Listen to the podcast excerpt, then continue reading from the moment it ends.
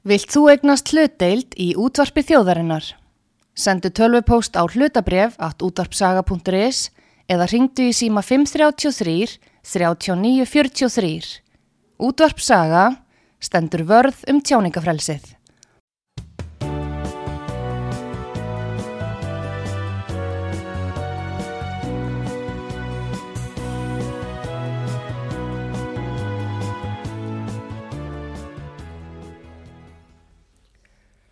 Já, góðan daginn, góði hlustendur. Þið eruð að hlusta á mentaspjallið á útvarpi sögu. Ég heiti Valgerist Næland Jónsdóttir. Viðmælendi minn í dag er Guðni Olgersson, sérfræðingur í menta- og barnamálamaraðunitinu. Velkomin Guðni. Takk að ég fyrir að taka svona vel í að koma hinga til okkar í mentaspjallið. Já, takk fyrir það. Gaman að sjá þið eftir allir sár. Já, sumulegðis. Heyrðu hérna, þú ert búin að vera í ymsum ráðuneytum en þó í sama ráðuneytinu í hvað 40 ár. Já, það er náttúrulega búið að breyta um nöfn, sko, en, en ég, Í hvaða ráðuneytum hefur þú sem sagt þá verið? já, ég byrjaði, hérna, má segja, í sko, skóla þróunar deild eh, mentamálar áhennetisins sem var svona utanhús eða úthýst verkefni, þetta var ekki inn í ráðunetinu sjálfur, heldur var þetta svona eins og eitthvað svona stopnun eða, eða hluti sem var svolítið frjáls, þetta var eiginlega má segja eftirreitur af uh, gömlu skólarannsóknardeildinni sem var stopnuð 66 í ráðanetinu og hétt þarna orðið skóla þróuna deild og þar kom ég inn hösti 85 svona sem var þá ráðin inn sem námstjóri í íslensku.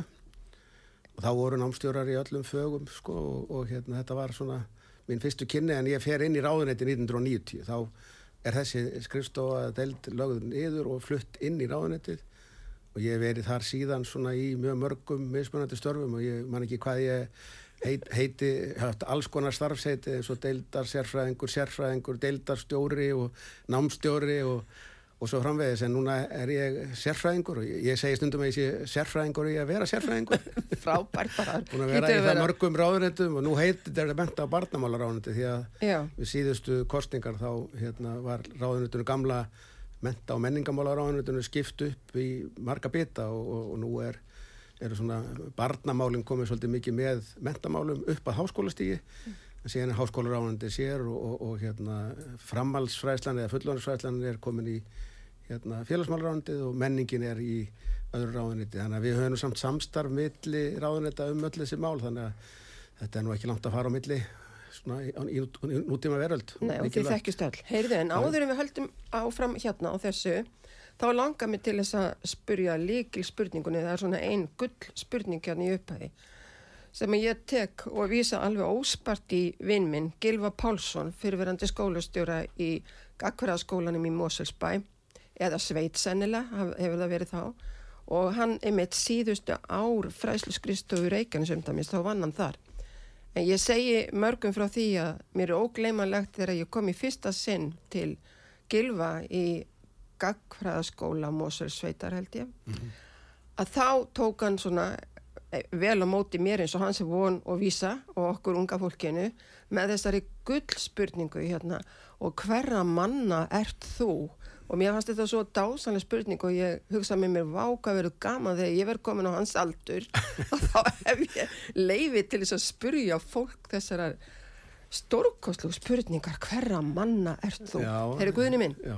og þú mátt fara eins langt aftur eins og þú vill. Já, ég veit það nú ekki hvað ég vil langar að fara langt aftur en ég er náttúrulega er, sko, ég kalla mig bara sveita dreng, ég er alin upp uh, í Holtum í Rangávallsíslu og, og er þar sem sé fættist þar 1958 og, hérna, og er hérna, og þar í æsku heimili mitt var í Nefsvaldi í Holtum og, og, og þá á þeim tíma þá se- segjum við bræðurnir að við hlupum í skólan, við gengum ekki í skólan því að við fórum alltaf lappandi að hlaupandi í skólan kvölds og mótna og heim í hádeginu í, í mata þannig að, þannig að þetta er svona mín æsku minning af skólakerfinu að hlaupa í skólan og, hérna, og það var ástæða fyrir því að, það vegna þess að við fórum heim í mat eða að fringt var inn í hádegi og, og mamma var alltaf með heita mat í hátteginu og við drifum okkur heim, hlupum við brekkuna og borðuðum.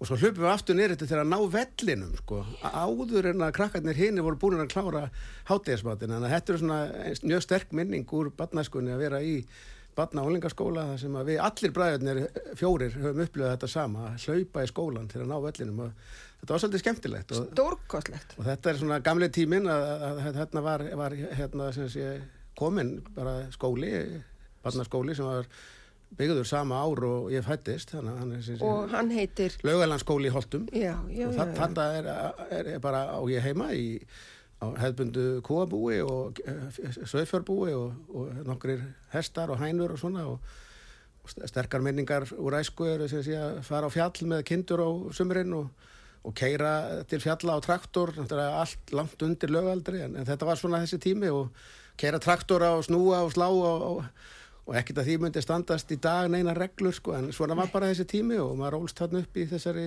sveit og og, og hérna, mér langar kannski að segja aðeins frá því áður en að ég fer eh, svona, ef við kannski, kannski tala um sjálf um mig að svolítið verið, svona setni árum verið að velta fyrir mér sko einmitt þessu með skólahald, þarna var komin skóli í sveitina og hann var reistur þarna sem var hýjarðhitti og mikil framsýni að byggja þarna skóla og hann er enn starfandi Með sundlaug. með sundlög og íþróttahúsi og öllu mögulegur aðstöðu, smíðastofu og þetta var bara frábær aðstæða frábær skóli fannst mér og, og, og vel búinn og er enn þannig starfandi og, og starfa fyrir allan grunnskólan og líka leikskóli. En svo hefur við stundu verið að velta þessu fyrir mér að því að það verið að tala um alltaf í dag um að það sé alltaf verða hraðar og hraðar í breytingar í samfélaginu, allt sé að breytast og rætt persónulega finnst mér allt breytast hægar og hægar heldur en var í gamla daga því að það nægir mér bara að velta aðeins bara fyrir mér sko hvernig þetta var með eh, til dæmis skólahald í þess sveitinni því að þetta er náttúrulega ég er hérna kem bara inn í kerfi það sem eru lögum barnafræðislu og það fer allir barnafræðislu unglingaskóla og, og, það er landspróf og, og hérna hér á skólar, þetta er allt til þegar ég er hérna ungur Einmitt. en þegar að en, en, fóreldra minni, þeir er, voru ekki alveg við sömu aðstæður. Mamma er frá þessum bæ, frá Nefsvolti og, og hún var í raunverulega sko í farskóla á næsta bæ. Bara það sem krakkarnir voru hálfa mánuði senn byggu í farskólanum. Og svo var hún heima hálfa mánuði og þannig var hún í skóla til 12 ára aldur Á hvaða bæ var hún í farskólanum? Það er kvammur, það er bara svona sæmurlegt göngufæri það var svona kannski erfitt að ganga það yfir mýratnar um há vetur en þetta gerðu krakkarnir og Af hverju var Hvammur fyrir valinu sem farskóli? Það Veistu er það? ég nú ekki alveg, ég á nú eftir að ræða þetta betur við mömmu, en hún hefur stundum verið að ræða þetta við mig og þetta var, þarna var allavega sæmilegt plás og Mm. það var eitthvað lítil svona stofa sem að var að nota fyrir kennslu og krakkarnir gáttu sofið þarna bara, og þau sváðu þarna hálfa mánuð og, og samt bjóð hún bara tvo kilometra frá en hún var þarna allan tíman þetta var bara, og þetta er farskóli Já, og, og já. hún lærði bara þarna allt sem var svona gagnlegt í Já. læra eins og Já, gengur, einmitt. lesa, skrifa og rekna og eitthvað, hann er þér og annað en, já, en, en það var ekki engin erlend tungumál eða neitt og hún var hérna til 12 eða 13 ára aldurs já. bara batnarfræðsluna Veistu frá hvað aldrei var það frá tíu ára þá? Nei, hún að var, mína. já, held hún hafi verið alveg hérna frá 8-9 ára aldri, Já, sko. Ég þarf bara að spyrja hana Já. betur, sko, en, en hef langaði að skrifa þessa söga eins um þetta. Þetta er ekkert langt síðan, þetta er bara fóreldrar mínir og, og, og, og hún talaði um það að þetta hefði verið bísna, hérna, já, þau bara læriði mjög mikið, það var það var ekki langur tími. Nei, En hún fór síðan í, húsmæraskóla og, og- Hvaða þá, húsmæðraskóla? Hérna, bara í Borgarfrið, Varmalandi já, já, já, og á góða, átti góða vinkonur þar og hefur hitt þær stundum og það var svona þéttur hópu fór með sýstu sinni mm. í, í nám, eitt ár. Já. en síðan var, var húsfrey og er enn í, í, í lífi, verður nýræði núna í, í, í, í vor. Já. eh, hérna og, og hérna reyn eftirlifandi af þeim sískinum en, en mér finnst svolítið gaman að segja þetta því að sko pappi hann var ekki, hann var hann fættur á hérna, Rangavöllunum og, og, hann fer í sömu leið í vatnaskóla og úlingaskóla og, og reyndar fór síðan í landspróf og skóum sko, og svo í búnaðaskóla og, og, gerist svo bóndi í, í nefnsolti þannig að þau hafa hérna, aðeins mismunandi mentun og hann, hann fekk að læra ellen tungumál aðeins. En, að þetta- en samt er þetta mjög mikil breyting frá Já. því þegar, þegar ég fer í skóla eða mín kynslu og þetta var miklu minni tækifæri þarna einnig kynslu áður. Gríðalega hraða breytingar Mm. frá fóröldur mínum til okkar kynsluðar eða minna kynsluðar en síðan áttur á móti hef ég líka talaði, ég var svo heppin að allast upp með Ava sem að mínum sem að bjóða þetta í nefnsvolti og hann var fættur 1896 og, og hérna og hann talaði svolítið um það að hann hefði verið sex vikur í barnaskóla á allir æfinni, en hann skrifaði listavel og hann var bókari hjá kaufélaginu og hann var skólanumdarformaður og hann læriði ímislegt líka á þessum sex vikum skilur og bara lærði á lífinu og, og yeah. bara í sveitinni þannig að En hugsaðu ykkur breytingarnar frá því að hann er í skóla hérna, í byrjun 20. aldar yeah. og mamma síðan 30 árum setna yeah. og síðan mín kynslu. Þetta eru rosalega hraðar breytingar. Öll, allt samfélagið skólakerfið og allt bara rafmagniði komið og vegakerfi og allt slikt sko Já. Mamma segir nú alltaf að einn mesta uppgötun 20. aldarinn hafi verið stígvelið. Þegar fólki var, fekk stígvel. Það áður er mitt. En, en ekki, ekki tölva, það Nei. var ekki merkilegt hennar huga en, en, en stígvel. Þetta er nefnilega sko miklu meiri breytingar heldur en kannski við áttum okkur á. Og, og, og síðan hef ég aðeins verið að velta þessu fyrir mér að bara með mínum börnum sko, ég á þrjú börn og þau hafa farið í skóla hérna á höfuborgarsvæðinu og, og ég fór aldrei í leikskóla, ég fór aldrei í frístund eða neitt slikt sko, en mín börn fór öll í leikskóla og, og, og síðan var grunnskóli og kannski einhver frístund og svo kannski bara svona við, við alls konar möguleikar á framhaldsskólum og námi og svo er það barnabönnin sem ég var með líka sko, þau hafa kannski enn meiri tækifæri en, en það eru sára litlar breytingar í raun mm. frá, frá mentakerfinu sem börni mín voru í og í mentakerfinu sem barnabörnum mm. er í þannig að ég segi bara eins og, bara eins og mér finnst svona já, almennt og mér já. langar svolítið að skrifa meir um þetta. Já, mér, ég hveti til að, að gera það. Mér finnst þetta svolítið svona gott að hugsa að, að breytingarnar sko gerast í raunverulega mjög hægt. Já, en það gerðust mjög hrætt hérna, í, í, í, hérna á fyrstu áratugum íslenska mentakerfisins og alveg gríðarlega miklar og okkur finnst mikla breytingar í dag í mentakerfinu og ímestlega það er gerst og við getum farið yfir það hér og eftir en, en þær eru, þær, þær eru sé, miklu meira hægfara heldur en menn yfir heitt talum sko. En tækifærin eins og hjá ungu fólki í dag eins og varst nefnilega að tala um hérna áðan, áður en við byrjaðum að við eigum alveg gífulega fjölda af ungu fólki sem er að slá í gegn á mjög mörgum sviðum. Það er eiginlega alveg ótrúlegt hvað krakkarnir okkar er að standa sér vel á eða þannig á bara til dæmis öllum listasviðunum. Við erum líka hérna, við hugsaum um tæknisviðið og við, við erum með ótrúlega flott ungt fólk á ótaljandi sviðum. Já, ég, ég held að sko það sé svolítið mikið, það er oft, oft talað um það að það sé alltaf, að eldri kynsluðunar sé alltaf að tala um að yngri kynsluðunar sé verri einhvern veginn, það sé alltaf eitthvað yeah. að það fara til fjandans og, og þannig hefur þetta verið svona gegnum tíðina en, en, en, en það er alltaf eitthvað sem að hægt er að laga og bæta í, í samfélaginu og, mm. en mér langar svolítið að taka undir þetta með þér að, að hérna að það er náttúrulega sko þó að menn vilji kannski mest tala um það sem miður fer, það er ímislegt sem fer miður í samfélaginu hjá ungu fólki eðlilega, það getur margt komið, gengið það illa og, og stundum eru að tala um að það sé ekki nógu góður árangur í mentakerfinu og annars líkt sko, þau eru að laga það. Og það er alveg rétt, það er alls konar svegrun til umbóta.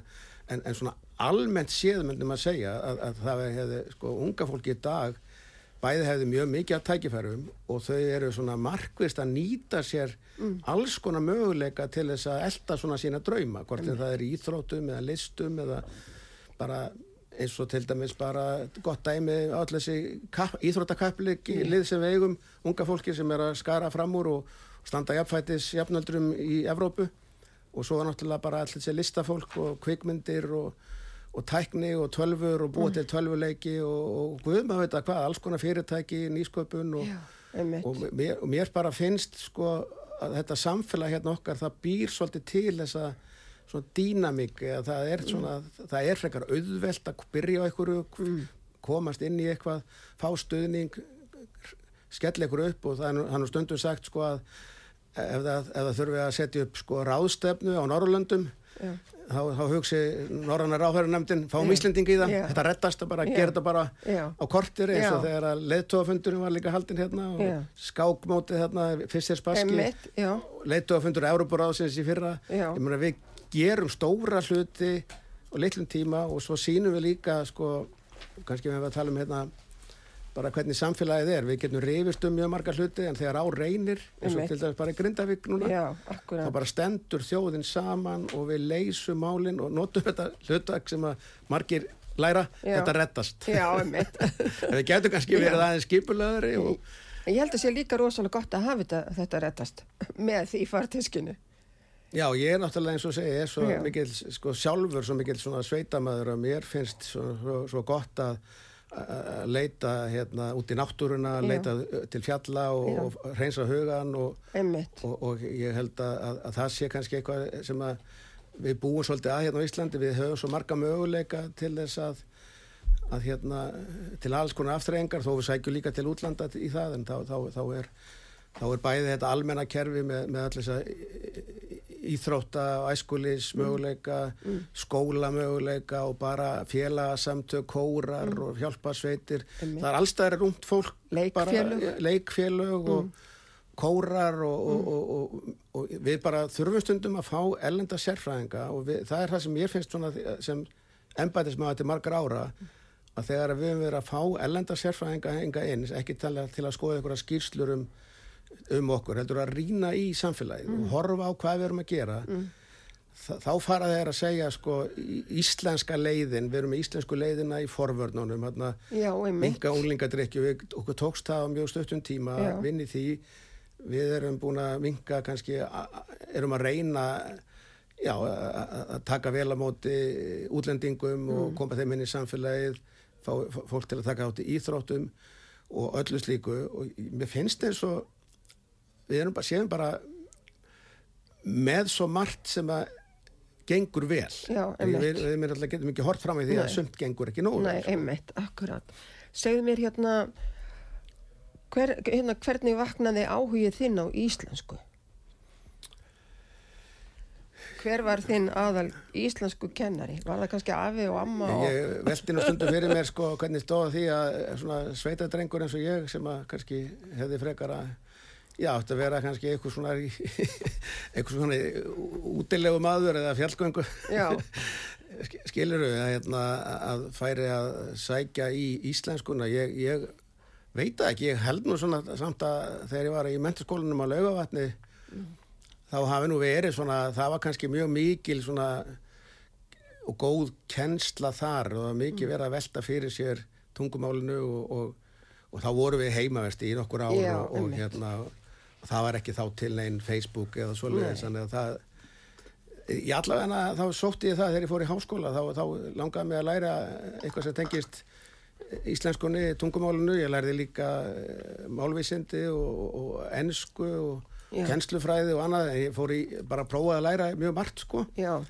En, en íslenskan var alltaf svona svolítið, það er svolítið áhuga á henni og ég held að það, hún hafi komið svona í, í gegnum mentaskólan ég, var það grunnnámið þitt í háskóla? Það var Íslenska? íslenska og enska, já. Íslenska og enska, Já, einmitt. ég hafði líka ég hugsaði svolítið með mér að það er gott að hafa enskuna það er svona, Já. er svona hagnýtt Já, mjög og íslenskan væri meira svona eins og grúsk sko. Já, einmitt. en svo hefur þetta, já, þetta hefur fer, fer vel saman að Já. hafa íslensku og ensku Og ferðu síðan í kennslu? Já, ég fór svo í, hérna kennslufræði og útskrifaðist sem kennari eða með Já. og, og, og, og ég kendi nú ekki eh, lengi en, en ég eh, samt þegar kendi hérna eitt vetur hérna í, í biskustungum hérna í já. grunnskóla og það var svona óglemalega reynsla fyrir mig sko að- kynnast því að vera kennari í sveit Já. og svo kendi ég eins í tækniskólanum líka hérna í Já, Reykjavík upp á. Ártúnshöfða og kendi já. þar í nokkur ár en, en síðan einhvern veginn bara ílendist ég svolítið inn í kerfinu og hef, hef svona verið þar svona í já, alls konar störfum svona sem tengjast mentun og, og Já. kennslu málum og, og hérna ráðgjöf og, og, bara hef kunnað vel við það og svo uppgötaði ég það núna allt einu og það eru held ég afskaplega fáir sem hafa meiri reynslu að ég að sitja í stjórnaráðinu samfelt, ég hef bara verið hérna samfelt í bráðum 40 ár sko. Já, Og ert, ertu ekki elstu, elsti starfsmæður? Ég held að ég sé næst elsti, st- hérna með næst elsta, mest mesta starfsaldurinn Já. af öllum sem núna er í stjórnaráðinu en, Já. en, en þá kannski spurning hvort ég miða við 1990 Já, 85 er kannski svolítið snemt að miða við en, en það er bara alveg óbúrslega fáir sem eru held ég eftir já, er, já, þetta hefur verið svona þetta hefur verið svona mjög svona lært á sig ykkur tími og mér finnst ég hafa lært mjög mikið af, af þessu ég, ég, ekki, ég skipt svolítið mikið um verkefni, ég er ekkert alltaf í sömu verkefnunum og, og svo er náttúrulega tíðarandin mismunandi og verkefni mismunandi og, og áskoranir á hverjan tíma mismunandi þannig að mér finnst ég alltaf vera svona endur nýja mig og svo er náttúrulega eitt af því sem heldur manni vakandi það er að vinna með nýja fólkinu, unga fólkinu og, og, og, og, og svona kannski styðja það og læra því og mm. Við, þannig að mér hefur þó- þó- þótt að vera alveg afskaplega gefandi og hver er ráð þeirra þegar þú byrjar ég sko þegar ég fer inn í ráðuneytið og fer að vinna með ráðherrum sko leiti, þá er það Svavar Gesson Já, já, það er það, er, er það 95? hann, hann, er 90, hann er, það er 1990 sko. Já, það er 90, já, en þarna á undan, hver, þá, þá voru hérna ráðherrar sem ég bara nánast sá aldrei en þeir Nei. voru að viss af þeim það var hérna Birgir Ísleifur Gunnarsson Sverri Hermansson og, og svo Ragnhildur Helgadóttir en þið voru bara í yngurstættunni, já, ég, við vorum ekkert að vinna með þessum, þessum ráðherrum en, en, en Svavar, svo það var annað. Já, hann var hérna hann var sem sé líka kannski fyrsti eh, sko ráðherran sem að spurði sko hvað er mentastefnan já, já, já, já, og svo föttuðum við það að það var engin mentastefna til fyrir landið og ekki nefnum bara lög og reglur og námskrár og eitthvað svoleiðis en já, reglugerðir en, en engin formleg mentastefna þannig að hann brettu bermar og, og setti á stað alls konar vinnu með gerði ekki já, sem var ráðgjafa hans og, og svona fóru ringferðan landið og heldur ráðstefnur og málþing og söfnuðu saman hugmyndum í mentastefnu og úr varð riti til nýran aldar sem já, kom út það var 1991 það, sko. já, emmitt, og það var svona fyrsta riti sem að svona tekur saman svona stöðuna á öllu skólastigum og, já, og með svona hérna, hugmyndum um framtíðina sko. emmitt, og er þetta 1990? Eða þar um bil? 1991 91, sem að, og það, Já. svo hættir hann sem ráðara 1991 bara Já. eiginlega leið og hann klárar þetta verk já, já, já, Eh, og, og næsti ráðara eftir það er hérna eh, Ólafur Gjö Einarsson. Já, og, og, og hann setur sé eh, líka stað stefnu um Já, að einmitt. til mentastefnu og hvað hétt hún? Eh, það var eiginlega bara svo kallu átjánmanna nefnd Já. sem heitir nefndum mótun mentastefnu Já, já, já, já, og það kom út ritt held ég 1993 eða 4 sko. Já, svona, svona okkur helstað stefna um, um svona framtíð en Já. byggð mörguleiti mjög svipaðar hugmyndir en, en, en samt svona í að kannski megin breytingin þar var að þar var að fara að teikna inn sko flutning grunnskólans til sveitafélagana sko emmitt, það var ekki beinlínis teiknað inn í til nýra aldar en, Við en, tökum þetta eftir auglýsingar. Ég hef það á tilfinningunni þó ég snúi bakinu í hann braga hérna. Ég hef á tilfinningunni að hann vilji koma að auglýsingum að getur það passa breiði. Við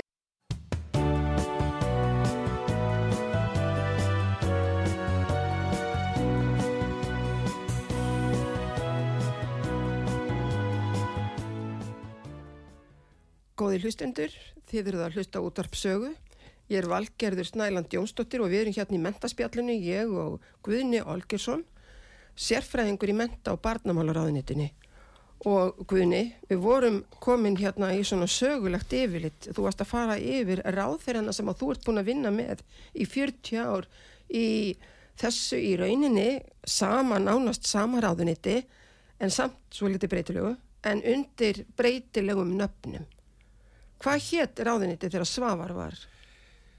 sko ráðunetti hétt mjög lengi bara mentamála ráðunetti Og var Birgir, hérna, var Birgir líki í mentamálaráðunitinu og Sverrir og Ragnhildur. já, allir, allt, allt þetta var mentamála ráðunetti Ólafur G. var Já, henni í já, ég, mentamálaráðunitinu. það, ég man ekki alveg hvenar það breytist í menta og menningarmála ráðanetti það Já. var viðbútt svona fyrir svona tíu árum eitthvað svo leiðis Já, já, og, síðan er menta og barnamála ráðanetti þetta Já, eru rúnlega þrjú nöfn sko já, emmitt. er alltaf í sama húsinu, gamla sambandshúsinu Já, já, já, já, já. Sölvfóli, en nú Já. erum við reyndar flutt í annað Já. vegna þess að koma upp mikla Það er það. við erum svona Já, bara, einhverju sögðu að væri gott á okkur að upplefa þetta sjálf því að skólanir eru margir með Já, miklu ég meit akkurat. Heyrðu á eftir, hérna, já, þú varst að tala um að, hérna, Svavar, hann kom með þessan til nýrar al- aldar, hann kom með fyrstu mentastefnunina svona, heildrænu skilgreindu mentastefnuna.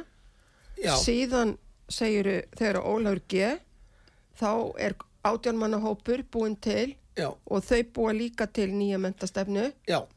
Er okkur meira hérna- um þessar mentastefnur. Já, ég meina kannski ef ef, ef við horfum á hérna þessa fyrstu hérna, til nýrar aldar þá held ég að bara ferlið sem var í samfélaginu með hagsmunnaðalum að reyna að móta svona einhverja tillögur svona þá um hvað þetta að vera einhvers framtíðasín Já, hún hafi verið mjög gagleg upp á bara allt svona frekara samstarf til framtíðar og, og í þessu þá stefn, mentastefnu þá saði Svavar eh, sjá fyrir sér að foreldrar eru miklu öfluri eining í samfélaginu og, og, og saðist hafa draumum það að í lögadagsöllinni er því þúsund manna foreldraþing til að ræða um mentun badna sko. og, og árið eftir var heimil og skóla stopna þannig að þetta var svona að þetta var svona til þess að, að foreldrar, þetta, þetta breyttist og foreldrarsamtökin heimil og skóli eru núna þrjá, rúmlega 30 ára gömul og Einmitt. það hlýttu örglega fyrir að þessi stefna var sett í að það var svo mikið lögð áherslu að ná til einmitt. þessum tíma. Já, já, já, já. Síðan kom hérna Ólafur G með stefnuna hérna sem átjámannemndi var og, og kjarnin kannski þar er flutningur grunnskólans til sveitafélagana og stytting framhalskólans. Þetta er svona tvær Já. megin tillögur og Já. þetta alls konar aðra tillögur um breytingar á námskrám og samrændu prófum og eitthvað svona en, en, en látum það vera en, en síðan, síðan kemur hérna Björn Bjarnason inn í ráðunetti höstið eh, 1995 Já, það verður að skipta á um ríkistjórn og, og hann fær þessa stefnu í fangið í raunverulega að flytja grunnskólan til sveitafélag og búa að samþykja það í grunnskólalögum. Já. og það er bara rosa verkefni eitt ár, verkefnastjórnir og, og fyrsta ágúst 1996 er bara grunnskólinn fluttið til sveitafélagana með mann og mús. Mm -hmm. fræslukrifstofarnar og ríkisins eru lagðar niður og afhendar sveitafélagum og- og ímislega þetta annað sem var gert og í, í, í raunverulega var þetta ótrúlega hröð og, og árangusrík breyting að koma þessu yfir og, og síðan hafa menn nú núna tilefni af 25 ára ammæli flutningsins hafa menn nú verið að eh, sko, sk- rýna þetta. Ég meina hvað gekk vel og hvað gekk illa og, og menn hafa nú komist að því sjálfur sér að í grunninn þá gekk þetta mjög vel. Þetta tókst mjög vel að flytja grunnskólan og, og, og svona, þó hafi komið upp alls konar svona hnökrar eins og gengur en þá var það kannski svolítið minniháttar og miklu minna heldur en mann hefði getað haldið. En, en þetta tók bara eitt ár mm. og, en, en svo getum við velt fyrir okkur sko hérna eh, áhrifunum síðar meira að, að eftir, eftir að skólinn fór til sveitafélagana þá áttu þeir náttúrulega að hafa meira sjálfstæði um vinnubröð og, og, og annað slikt og sveitafélagum er miklu meira eh, svona mótun á sínu nærumhverfi og með aðkomi fóreldrana líka og, og bara nær samfélagsins að og, og, og fræslukrifstofna voru hugsaðar áfram inn sem stuðningur inn í fræsluumdæmunum um allt landi en, en, en það kerfi riðlaðist mjög fljótt sko. Þær voru náttúrulega lagðar niður. Nei, það, ja, ja, í sjálfu sér voru það laga Þessar niður. að voru voru. allar, allar gefnar sko, sko ríkið afhendi sveitafélagunum allar fræksklustöðunar mm. og líka allt starfsfólkið og allt fjármagnið það fór til frækskrifstofuna, það var ekkert lagt niður en það, sveitafélagun sjálf ákveðu það að kljúfa þetta meira niður og búa til þá kannski frækskrifstofu í Hafnaferði og Kópói og Selfossi og svo framvegis mm. þannig að eh, svona undir að síðasta sko þá var eh, það var hérna frækskrifstofun á Östurlandi, hún liði lengst Mm. En ég hugsa til Reykjanes umdæmisins, þar sem ég starfaði í 15 ár, Já. að þetta eru sem sagt svona, hafa verið svona 11 sveitafjölu þannig á þessum tíma eitthvað, eitthvað, ég bara var að fara í gegnum þetta svona í hugunum núna. Og þetta riðlaðist allt. Jú, ég meina þetta, þetta, þetta var þetta, þetta, þetta hafa verið að því að sveitafélagin ákveðu að vera með meira skrifstofur í bæjónum Já, einmitt. en, en þessu Suðurlandi var Suðurlands í Á nokkur Selfossi, ár. já. og það var fræslugrifstof Vesturland og Vestfjörðum en, en almenna, almenna niðurstaðan var svo að sveitafélagin tók þetta meira til sín lögðu þessa miðlægu skrifstofur niður og, og, og svo svona í teilefni af, af hérna 25 ára ammælinu sko þá fórum menn svolítið að rýna í það hvernig þetta hefði nú svolítið þróast og, og þá fara menn svona að spyrja okkur, mistu við þetta niður? Það er að segja þessa, þessa svona samræmingu í sveitafélagunum og, og nú er svolítið að vera kallað aftur eftir því að það sé meiri svona svæðaskipting með þjónustinu ég ætla nú kannski ekki að fara djúft í það en það er svona að vera að velta því fyrir sér núna bara almennt í öllu sem snýra bönnum, ungmennum. Mm. hvort sem það er skólamála, íþróttir eða æskulismál, félagstarf. Að það sé meiri svæðispundin þjónusta og líka sko farsældin sem er samþættingin og farsældarvinnan að séu svæðispundin farsældarráð og svæðispundin skólaþjónusta. Mm en ég ætla ekki að fara djúft í þetta en þetta, þetta, bara, þetta, þetta breytist mjög mikið Já. og það má alveg rekja til flutning grunnskólans en, en það var líka markmið þá að ebla sjálfstæði sveitafélagana og minka svona að komu ríkisins. Mér aðtiklisvægt góði, ég hlusta á því mitt að ég gerði mér ekki grein fyrir þessu að þetta hefði verið gert með, með þessum hugsunahætti að fræsliskurstanir hef, hefðu verið afhendar inn í sveitafjölinskilu ég held bara að þær hefðu verið láða niður Ég, það var bara þá ákvöru sveita, sveitafélagana að hvernig þeir færu með já, já. Sum, sum, sum sveitafélag ákvöðu strax að leggja það niður já. önnur ákvöðu að halda áfram samstæðinu og heldur því lengi áfram Hvernig er með Norðurland vestra? Heldur þeir áfram með sína skristofi? Það, það var það breytist svolítið fljótt í það var þá skóla, skrifstofa, þjónusta, húnvetninga og svo skakferðinga. Já, já. Þannig að þetta fór svolítið annarkvært í síslutnar eða, eða, eða bara varð eiginlega þannig að mjög margi skólar urðu síðan fyrir utan skólaskrifstofur, þannig, þannig er staðan í dag. En Norðurland Eistra, það sem þetta var á Akureyri? Þar var skrifstofa svolítið lengi svona vegum eithings, eða það, það þeir heldun áfram og, mm. og, en, en, en það svona einhvers konar þjónusta fór síðan inn í háskólan skólaþróunar skólaþróunadeildina það. þannig að það var háskólinu Akureyri sem, sem tók, tók þetta að sér. En í sjálfu sér þá fór þetta svo liðast þetta líka allt í sundur þarna. En ég ætla kannski ekki að fara djúft í það hérna. en svolítið, mér finnst þú ert hérna mér finnst þetta spennandi að, hérna, Já, að því að hluti, stór hluti af fræsluskuðstónum í den var sálfræði þjónusta Já og mjög bara öflug sálfræði þjónusta það var líka kennstur ágjöf og stuðningu við skólastjóra. Marta þessu sko já. mikil stuðningur við skólastjóra. Þetta Ekki... er eitt af þeir sem hefur verið rannsakað að skoða svolítið tengslu við þjónustun í dag að það hefur komið fram óanæði með að þetta sé ekki nægilega samræmt, það sé ekki mm. nægilega markveis þjónusta mm. í dag og, og, og, og þetta er eitt af það sem er bara svolítið í skoðu núna að stiðja, ebla með Já. nýri skóla þjónustu hugsun og nýri Já. stopnun hérna sem er í starfandi. Ég man líka eftir eins og í Reykjanesunni, ég held að það hefur verið víðar sko þá hérna vorum við með mjög ebluga þjónustu við að byggja upp skólasöfnin í skólinum.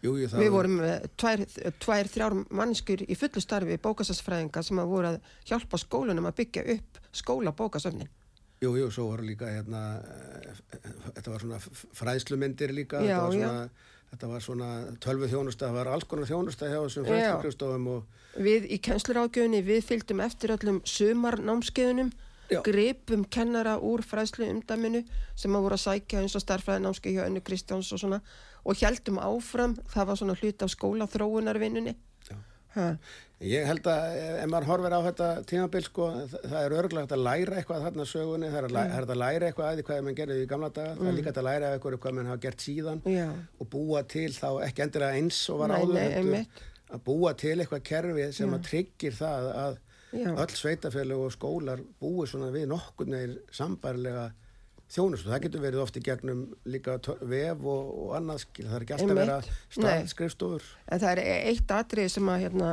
að því á þessum tíma þá flýtt ég sagt, hætti ég á fræslu skrifstofinu og verð skólasturi mm. og einn góðsögnin vil ég meina en þetta er bara mín persónulega skoðan einn góðsögnin um þennan fluttning frá ríki til sveitafélaga var að þau myndi auka, minka miðstýringu. Nema hvaða ég upplifið það sem skólastjóri að miðstýringin varð aldrei meiri. Og þá erum við komin inn í allt annað umhverfi sem er hitt pólitíska umhverfi þannig að þetta já, hætti að vera bara sveitafélaga já, já, sveitafélaga pólitíkin. Minni miðstýring ríkisins. Já, minni, já, en hérna já, mér finnst samt sko fyrir bærið miðstýring. Já.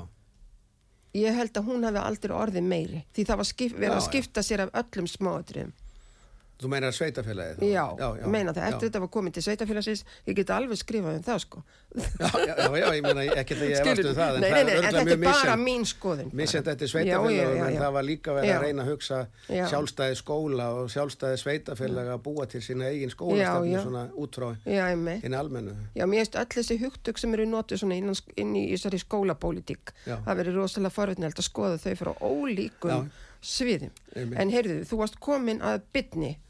Já, já, meina, það var- 95 og flutningurinn. Björn var svona já. ábyrgur fyrir þessum Já, flutningi þarna já, og hann var, þetta, var auðvitað þarna Já, býstna mörg ár, hann held að Já. þetta verið sjö ár mentamálar á já, og, einmitt.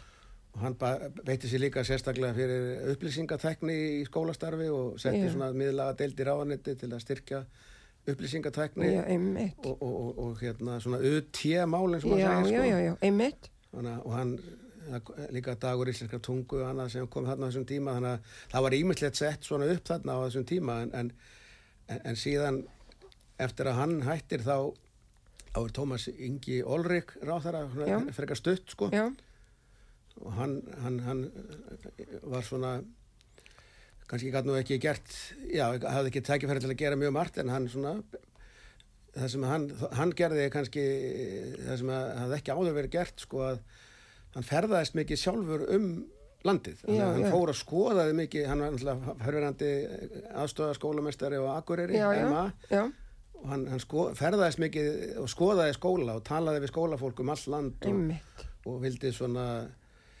já, meðal annars var hann að ræða um hérna, samrænt prófi í framhalskólan það var eitt af þessum átt að setja á þar og, og það var nú kveðið kútinu svo skot sko. Heyrðu, ég á eitt eintak af samræmdu stúdentsprófi. Það var frá ekki 2006 mikil- eða eitthvað, eða ekki hvað? mikil stemming fyrir þeim sko, en, Nei, en það var gaman að sjá hvernig þau litu út þannig. Já, núna eftir á. Ég varðveitit alveg. já, en hann, hann, hann talaði mikið við sveitafélaginu og var svona, Já, fór svona að ræða meira um jafnvel að þyrfti eitthvað svona meira samstarf á milli ríkis og sveitafélaga það sem komið aftur svona á tími frá flutningnum. Já, já, og, og síðan kemur Þorgeru Katrin inn þarna Já. 2004-2004 Já, og hún setur þarna upp þá svona kannski fljótlega heildar endurskoðun á öllu mentanlögunum leikskóla, grunnskóla, framhaldsskóla og lögum kennaramenturina eða, eða leifisbrefa eða þessi réttindi setti þá voru, þá voru sett lög 2008 meðal hans um mestarapróf fyrir kennsluréttindi já, það er ekki fyrir en þá. Nei, þetta var allt gert sama árið Já. leikskóla, grunnskóla, Já. og kennaramentun Já, og þetta var að vera rosalega mikil vinna við að rýna aftur hvernig hefði gengið að framfama bæði leikskóla, grunnskóla, mm. einmitt. og það var svona margt samræmt í lögunum svona, Já. eins, og, eins og ég varandi matið og, Já. Og svona skólaþróun og annað. Þannig að þarna var komið svona meiri svona Já. svolítil hugsun um að vinna meira svona saman milli skólastiga og milli hérna kerfa. Já, já, eins setti hún hérna beiti sér verið lögum um námsgögn og að styrka þá svona sjálfstæða sjóði til að gefa út námsbækur og annað.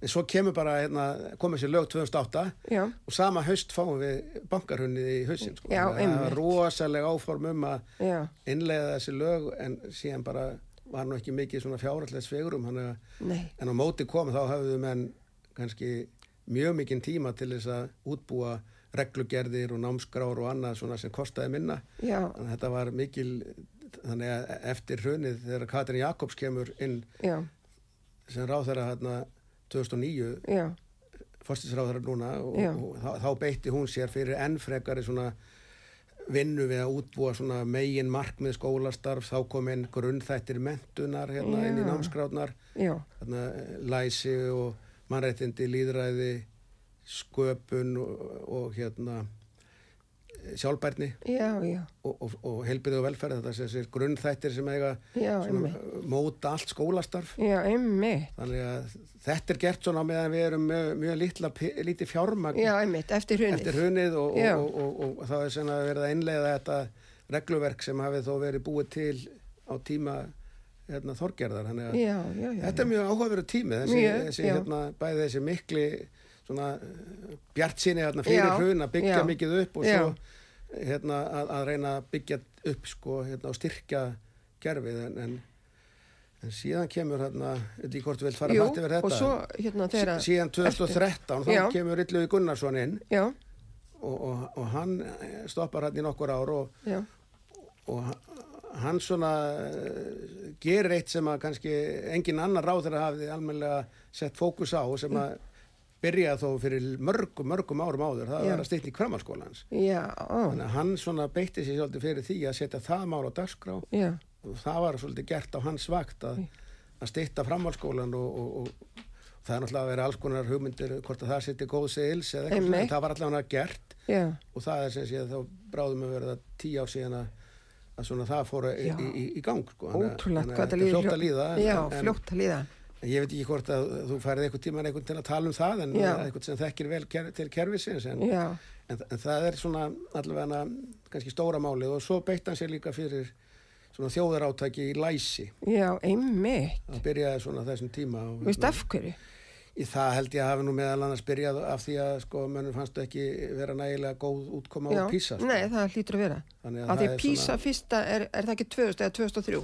Eh, PISA er 2000, fyrsta PISA er 2000 og, Já, og, 2000, og svo já. má segja að kannski það hafi svona aðeins síð ógjafi hliðina síðan þannig sko. Já, og, og þegar hann var að koma hér inn lág fyrir nýjar tölur þannig að það var svona Já, sett markmið en að ná betri Ná tökum á því en Já Og hann gaf út kvítbókina, það hann gaf, gaf út hvítbóku mentun og, og, og, og hans vakt var eh, búin til mentamálastofnun saminuð Já. af hérna, námsgagnastofnun og, námsmatstofnun svona tvær ríkistofnanir sem var settar saman og Já. alls konar verkefni úr ráðunettinu voru sett þarna inn í þessa stofnun. já, einmitt Eins og hvaða verkefni? Já, bara svona stjórnsýsluverkefni eins og, Já. eins og hérna eins og hérna til dæmis að gefa út leifisbref og innritun í framhalskóla, Já. námsbreytalýsingar og, nám, og undaþáunemdir og e, e, leifi til að reka engaskóla og guðum að vita hvað, alls konar svona stjórnsýsluverkefni sem Já. fóru þarna inn í Sem þessa að- samilu stofnum. Sko. Já, einmitt Og við þetta átti sem sé ráðunetti að fá meira svegrum til þess að hérna, vinna stefnumótun sko, Já, til einmitt framtíðar sko. Já. Þannig að, að þetta er nú ekkert svo, við erum komið, komið svolítið nálagt Já, nútímanum núna, heyrðu sko. og? Hver tók við að vitluga? Já, það, það, það var nefnilega slannig að var, þetta voru svolítið svona ráþara skipti hérna, eða ríkistjórnarskipti 2016 þá, þá hérna kom hann inn hann hérna hann hérna eh, Kristján Þóri Júliusson Já, hann stoppaði nú eiginlega þetta, mjög stutt, eða ekki? jú það var eiginlega minnin ár sko. Já, en, en, en Lilja Alfredsdóttir kemur, kom svo tók var, við á honum? Já, Já, og var alveg heilt gjört tíðanbíl já, en, en, en, en, en, en Kristján hérna ég sjálfur sér eh, kannski hafði hann nú kannski ekkit það var kannski ímislegt sem var í, í gangi. Það var verið að vinna á úttektum á mentakerfinu og svona á hans vakt og, og hérna á vegum hverra? Nei, bara við, við vorum við, við, það var fór fram mjög ítaleg úttekt á íslenskri mentastefnu sem að Európa meðstöðum hérna, náman aðgreiningar eða inngildandi mentun tók, Já. gerði á íslenska mentakerfinu og, Já, og, og svo úttekt hún lá fyrir akkurat þegar að Kristján Þór var ráþæra og hann sett á stað stýri upp til þess að fylgja henni eftir og réði þarna inn á verkefnistjóri í það og hver var verkefn, verkefnistjóri þar? Karl Frímansson Já, já, já, akkur er þið? og svo Ragnar Þorstensson líka sem Já. var byrjandi fræðslustjóri þannig, að- Já, þannig að þetta var svona, fekk mikinn fókus þarna að reyna þá að reyna að st- styðja við og já, við þessa mentun fyrir alla og þarna höfðu menn svona, og, og- megin niðurstöðnir í þessari úttekt eru svolítið þær að að það sé býstna vel fjármagnað íslenska mentakerfið já, en það sé kannski allt og óskipulaður svona stuðningur og innleðing við eh, svona mentastefnuna, hún er sem mismunandi úftært eftir skólastegum og Já. svæðum. já, og, og, og það þurfi eh, að setja miklu sterkari svona eh, hérna, hvað að segja áherslu á að valdefla starfsfólkið í skólanum og kennarana sko. Það kemur fram þarna, Já, að það sé 2016? svona, ja, 2017 2017. og, og það var og, og að þurfi að svona kannski að já, huga betur að innleðingunni það er þá rauninni að hvernig hægt er að að þá voru konu líka miklu fleiri nefndur en aðlendum uppruninni í okkar samfélag og það er svona nýja áskorun líka sko. Já, emmitt. þannig, að, þannig að það er þetta er búið að vera svona mjög mikið í umræðinu bara nánast síðan þessi, þessi, þessi úttekt og hvernig hægt er að, að, bæta stuðningin við mentakerfið og, svo í framhald að því kemur síðan e, Lilja og setur mentastefnu til 2030 sem meðal annars leggur mikla áherslu á stuðning og, og hérna og efla skólaþjónustuna um að landa allt sko. Hvenær, hvernig kemur hérna og, já, og svo, eftir Lilju, kemur, Já, já, já, eftir, eftir Lilju, svona fljótlega eftir að hún var búin að ganga frá uh, mentastefnunni. Já. Þetta er oft þannig að þegar ráþar er að klára, þá liggur fyrir eitthvað gott plagg sem býtur og, og, og það er, eh, síðan, síðan kemur ásmundur einari og er núna já. ráþara og hann tek þetta verkefni meðal hans í fangið að, að, að, innleiða mentastefnuna og sama tíma var hann náttúrulega búin að vinna að uh, samþætt, lögum um samþætta þjónustu, samþættingu þjónustu já, þá farsalda batna sem, sem félags- og batnamálar á þeirra. já, Þannig að það er ekkert skrítið þá að ráðuneyti heiti núna menta Nei, og barnamálar nei, ráðuneyti. það er- búið já. að samina þessa málarhokkar svolítið mikið undir já, þessum hatti Já. Og, þar eru við í dag og ég er sem sé að hrærast í því umhverju í dag. sko. já, einmitt. Þannig að maður sér að maður hefur farið svona víða. Það væri, hérna, væri ekki bara mjög holdt fyrir alla að þú myndir skrifa um þetta. ég, hef Um nú, þennan hérna, ég hef nú sagt það svolítið svona já, ég hef mikið áhuga á því að aðeins að skrifa svona um þetta þegar ég já, hætti. já, einmitt. kannski get ég á sagt eitthvað meira heldur, Já. heldur en ég segi núna Já, einmitt, ég veit það. Já, já. svona sögubrót sem að maður mann og Já, það eru mjög margir og eftirminnlegi karaktera sem maður hefur kynst í já, gegnum ég tíðina. get alveg séð það fyrir mér. og það kannski hafa ég líka hægt að hugsa þegar ég hugsa tilbaka og Já. byrja, byrja í þessu kerfi Já, þá er hérna Volgang Edest Já, hann ennþá fullur einmitt. ágjafi Andri Já. Ísaksson er Já. hérna og, og, og, og Birgir Tollasíus hann er ennþá til skilur einmitt, já, þannig að ég man svolítið langt Já. aftur Já, já. kannski það er að grafa eftir því já, nei, einmitt. og svo, svo er kannski það sem er kannski ekki nefnt endilega þá að þegar ég kem inn í þessa vinnu í þessari skólaþróun að deilta þarna fyrst sem er svo útísi Já, þetta er svona kannski svona já, það var ekki deilt. þetta var eiginlega svona deild undir ráðunetinu Já. en samt ótengd en Já. samt ekki. Þetta var eins og svona st- stofnun í stofnun sko. Þetta, var, þetta var ekki sérstök stofnun. Nei, en hún var óskaplega sjálfstæð já, og, fek, og hafði meðal hans þetta verkefni að útbúa námskrátnar Já, einmitt. samanrættu prófin Já. og, og, og vera svona með ráðgjöf við Já, skólana einmitt. og þarna voru þegar ég kom inn sko, og það finnst mér, ég hef nú kannski ekki mikið talað um það undanfarið en þarna voru mjög öflugir fagmenn Já. á öllum sviðum náms Einmitt. þarna var námstjóri ensku, dönsku, líffræði mynd og handment, tónment Kristin og svo fræði. framvegis, kristifræði Já. þetta var svolítið svona miða við nútíman, þá, þá er engin í dag sem er svona beinlínis með að hlutverk að halda utanum til Nei. dæmis bara list og. Einmitt. þetta fólk það bara mótaði og þróaði og hjálpaði skólanum að byggja Já. upp þessa Já. kennslu og, og var búið að gera áratugum saman þegar ég kem inn sko. Já, ég kem inn og hitti þarna mjög reynt fólk sem að sumir eru nú að lífa en þá en já, það eru farnir eins og já, gengur já, og einmitt. með mikla met, met, mikil metnað fyrir sínum Einmitt. fögum sko. Heimilisfræði, sérstaklega námstjóri og, og var bara leiðbenna sínu fólki og þetta, þetta þótti bara ekki kannski viðegandi að ríkið eða ráðunetti væri að reka þetta Já, en það, það er, má- þetta málu reka aftur, reki aftur til skólarannsvonandeldarinn sem Gilvi Þótt Gíslason setti niður já, einmitt. 66 Já. þá voru menna að reyna að byggja upp Já, sem sé ebla sem sé fagmennsku kennara Já, gegnum þessi, þessi, þessi námsgreina já, einmitt. það, síðan þá hefur þetta orðið miklu almennara miklu meira að tala bara almennt um, um mentamál en, en, en sé, minn, það er allan að ég þekki engan sem er svona Nei. beinlinis í því hlutverki að ebla list og verkgreinar er fyrir kerfið. En það er náttúrulega háskólanir auðvitað að gera Já, sitt og, og sveitafélögin en, Já, þetta er öðruvísi. En þetta er eitt af því sem að kannski mætti alveg ég Já. hef alveg heyrt að, Já, að fólki að það, það væri áhugavert að Já. endurvekja Já. einhverju mynd eða Já. einhverju mynd að, Já, að þjóna betur kennurunum í þessum fögum og ég Já. er alveg vissum að það verður gert Já. ekki sömu mynd en Nei, nei. einhverju mynd þarna er mitt svona áður en að þú byrjar þarna 85 þá náttúrulega eins og Sigriður Jónsdóttir sá um yngrepandakensluna, byrjandakensluna sá um sexara að innleiða það að sexara kenslan varð ekki bara sexara kenslan heldur fyrstibekkur og Já, skiluru Já, já, er, hún er námstöður já, já, ha, og mjög upplutt starfi kringu það allt saman.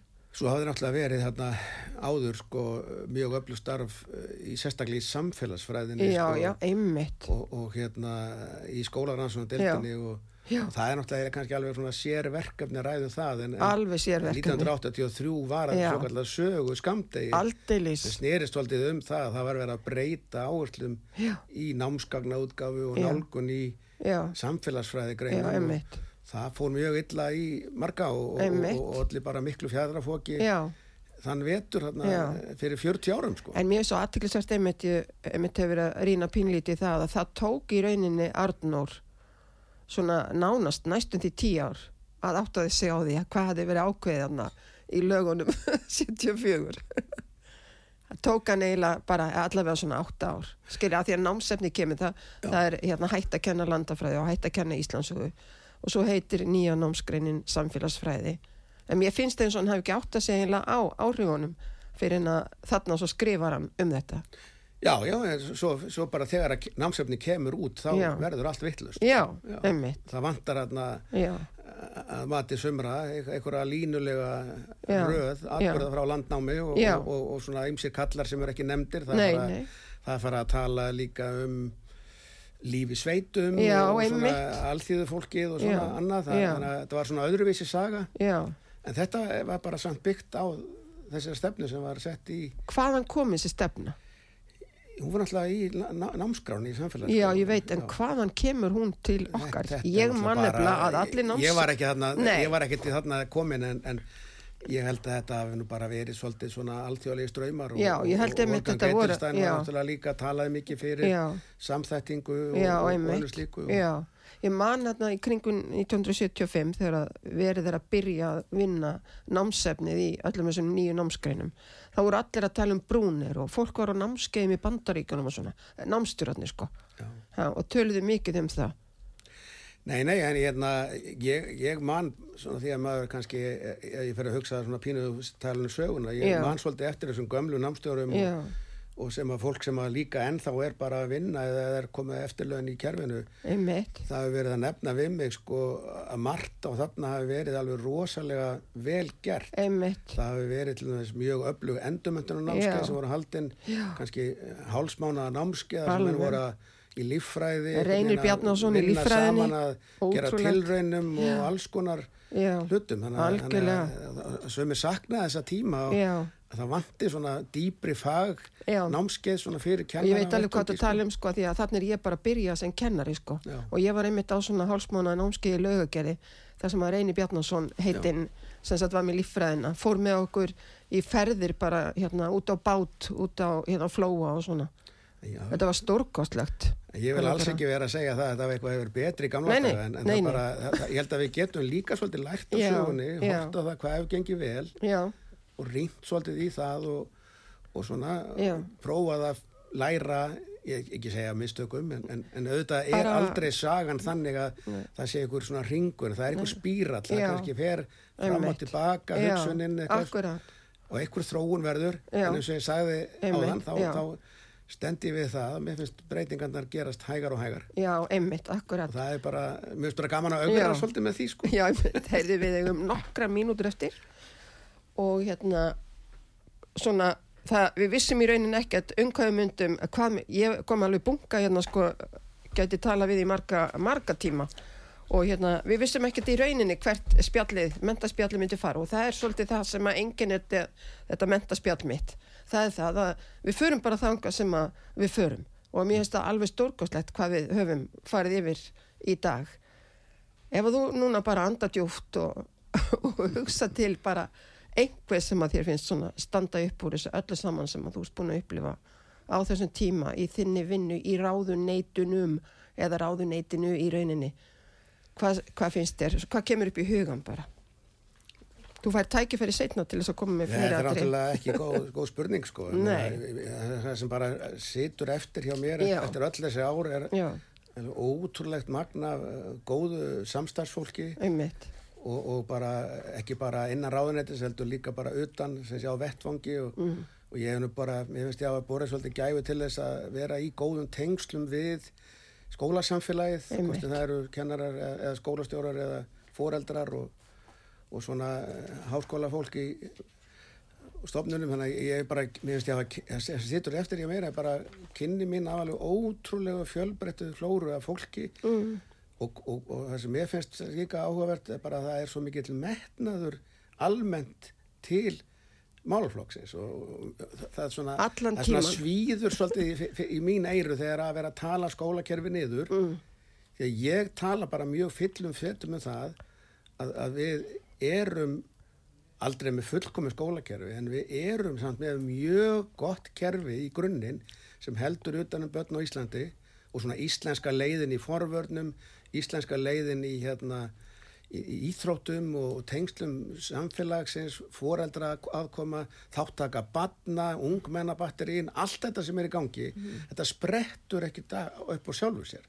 Þetta sprettur upp úr því að það er bara svona fjóri arvegur hérna og það er svona vinsamlegt samfélag vildi í skólunum. Það er svona, en svo þetta gætu við hugsað að það væri þetta að ná betri árangri, ef mér hugsað sko, menn við stundum að tala um PISA og svona, ná meiri árangri, en við erum líka bara að ná mjög á, góðum árangri á mörgum sviðum svona í samfélaginu með, með svona okkar fyrirtæki, nýsköpun og frumkvöla, íþróttamenn og listamenn og allt. Og ef maður horfir svona yfir þá, þá finnst mér þetta að setja svolítið upp úr að, að við erum líka bara með gott friðsalt samfélag, við erum með yfirleitt stuttar bóðulegur á milli og svona ellendir sérfræðingar sem koma, þeir öfenda okkur svolítið mikið af þessu. Góði hlustundur. Mjög, held ég, svona Já. góð loka orðið hvað Já, ég varðar, mitt, þakka ég fyrir þetta mitt. Góði hlustundur, þið hafi verið að hlusta á mentaspjallið og útvarpi sögu. Við erum hérna saman, ég, Valgerður Snæland Jónsdóttir og viðmælandi minn í dag sem ég þakka innilega fyrir komuna. Takkvinni er Guðni Olgersson, sérfræðingur í barna og mentamála. Mennta og barna. ég snýðis alltaf við. Menta og barna mála ráðunitinni. Það er best að þú segir þetta fyrir mig bara. Ég bara uh, þakka fyrir og gaman að hitta þig aftur. Já, við við mjög hittust miklu fre- oftar þegar þú varst skólastjóri. Já, og það er á undan sem. Já, já, Þá einmitt. lágu leiðir okkar saman. Fræðslu Kristó. Já, einmitt. Já, en gaman að sjá þig aftur og gaman að tala við þig. Góði hlustundur, þakka ykkur fyrir hlustunina. Lifið heil.